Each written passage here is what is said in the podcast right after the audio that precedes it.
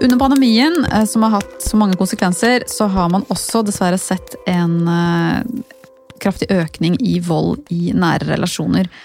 Og når politiet kommer for å bistå partner og eh, barn og hjelpe dem vekk, så er spørsmålet hva skjer med kjæledyrene? Hans Store Høviskeland fra Økokrim kan ja, du si litt om det? Ja, Det er interessant, for det har vært forsket mer og mer på dette også. Og det viser seg at uh, veldig ofte så blir også dyrene mishandlet.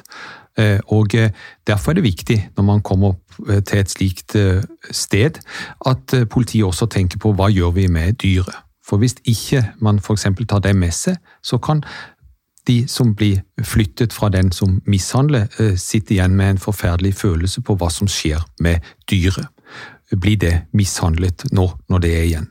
For hva er det som pleier å skje nå? Det, det, det har vært eh, Forskning viser at dessverre så, så blir dyr da eh, mis, i veldig mange tilfeller mishandlet. Men, ja, men har det også vært sånn at, altså, at til nå har ofte dyrene blitt igjen? Eh, til en viss grad så har de det. Man ja. har begynt å bli mer oppmerksom på det nå i den senere tid. Men tidligere så ble ofte dyr eh, igjen, da. Ja. Eh, og dette her er jo eh, noe vi skal snakke om i eh, episoden på torsdag, Hans Tore. Altså dyrs, dyrs rettigheter og dyrekriminalitet. Og, og, fokuset på det, ikke minst. Ja, og, det, og, og i tillegg også hvor stort dette dyrevelferdskriminalitetsområdet er.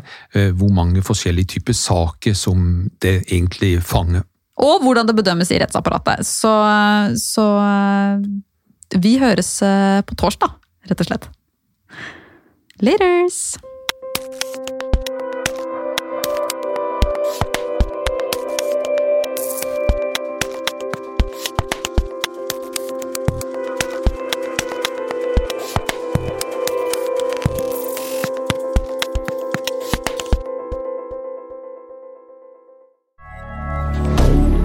Moderne media.